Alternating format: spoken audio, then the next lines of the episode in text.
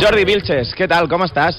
Bé, molt bé, sense entrar en detalls, però sí, bé. Ara, quan havies de venir a fer aquesta entrevista, no has pensat, joder, quin puto pal? Digues la veritat. No, perquè feia molts dies que he passat uns mesos fora de Barcelona i que no feia coses per aquí i, a més a més, mm, hem quedat aquí al costat de casa meva, aquí al barri de Gràcia. Doncs comença el tercer grau de Jordi Vilches.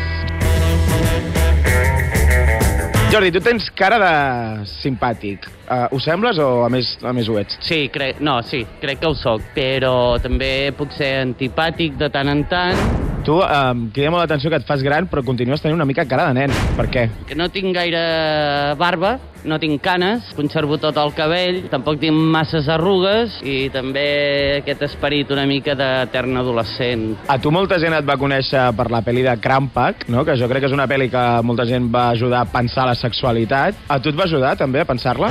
No, jo ja la tenia bastant clara. Uh, jo tenia 19 anys quan vaig fer la pel·lícula i estava en una època així molt oberta, a més amb la gent que, que em movia, eh, estaven bastant disposats una mica a tot. Llavors, uh, potser jo era dels més oberts de tota la pel·li. Sí, que has provat moltes coses en el sexe. Les he vist, diguéssim. Jordi, t'entrevistaven quan feies la promo d'una pel·li, no diré el nom, però tu deies, es un guión muy bueno y ha salido una mierda de película. Y el director tampoco me cae especialmente bien. Sinceritat a tope, no? I, bueno, eh, és la veritat, no m'havien pagat per la peli i m'havien estat enganyant. Llavors estava fent la promo i, i així, llavors l'entrevistadora em va anar preguntant, preguntant, veient que hi havia alguna cosa rara i sí, van sortir aquests titulars. Uh, molts amics meus em van agrair de dir, hòstia, Jordi, ben fet, perquè em va aixecar moltíssima gent per haver dit aquestes coses, perquè moltes vegades en el cine l'únic que has de fer és dir les coses bones i que tot sembla meravellós i tal, i a vegades no ho és.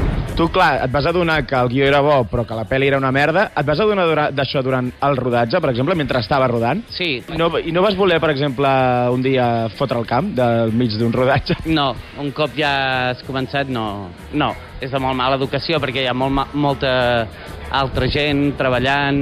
Per cert, a tu no t'agrada llegir gaire, no? Em sembla? No, so, és una cosa que, de la que no n'estic gens orgullós i em costa, em costa molt llegir. I mira que la meva xicota és una gran lectora, ma mare és una lectora també... Llavors, amb els guions, com tu, com tu fas? Vas directament a la teva part, o què?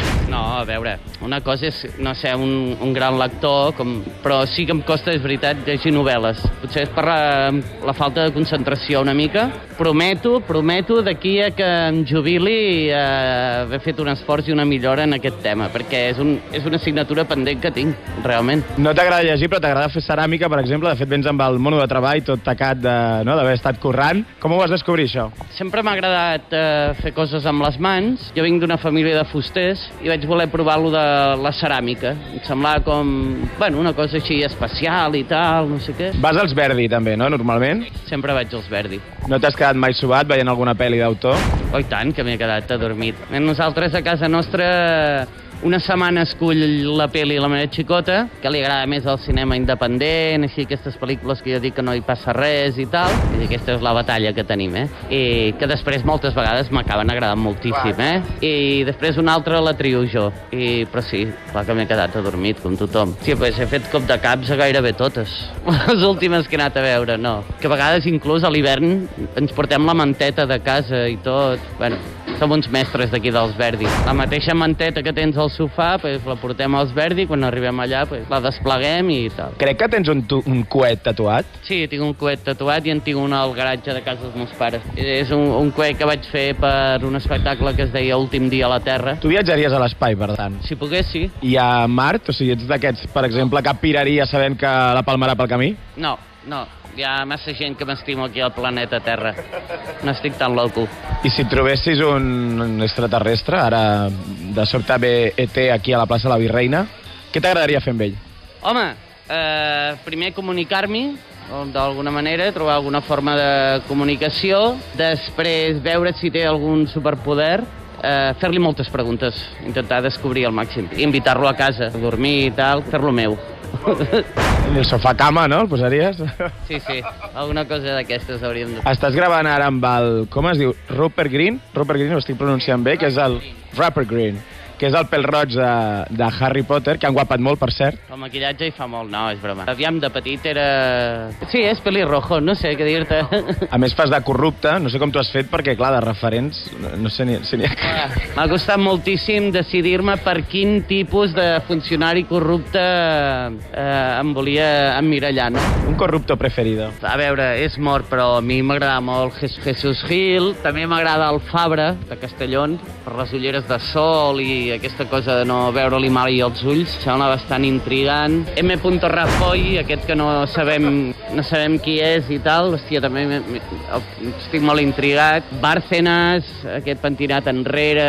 O sigui, és que n'hi ha tants, tants... T'han entrat mai ganes de carregar-te un corrupte o de, al final, torturar-lo o torturar un banquer? No, no mai m'han entrat ganes de, de matar ningú, de perdre'ls de vista o d'enviar-los eh, de viatge a una illa d'aquestes de bessura que es formen al mig de, de l'Atlàntic, sí. Jordi Vilches, moltes gràcies. Fins una altra. Molt bé, un petó a tothom.